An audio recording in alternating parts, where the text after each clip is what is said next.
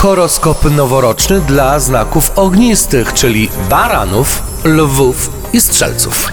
W życiu finansowym i zawodowym mm, możecie trafić na coś, co pokochacie. Y, Karta Króla Mieczy jest to karta zdobywania wiedzy, czyli będziecie zdobywać wiedzę, będziecie uczyć się czegoś nowego, zdobywając na przykład nowe specjalizacje.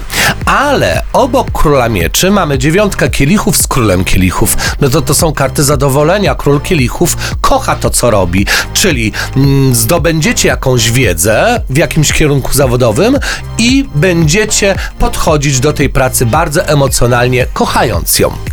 W życiu uczuciowym nie za fajnie będzie, jeśli chodzi o nowe tło emocjonalne, czy to nowe życie osobiste.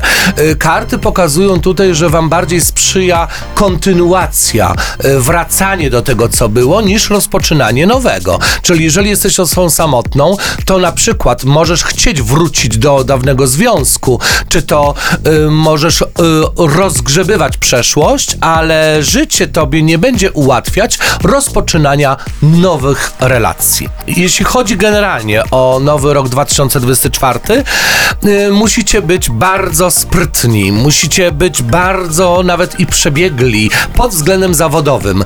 Korzystajcie z relacji na polu pracy, ponieważ to one mogą wam ułatwić wiele rzeczy.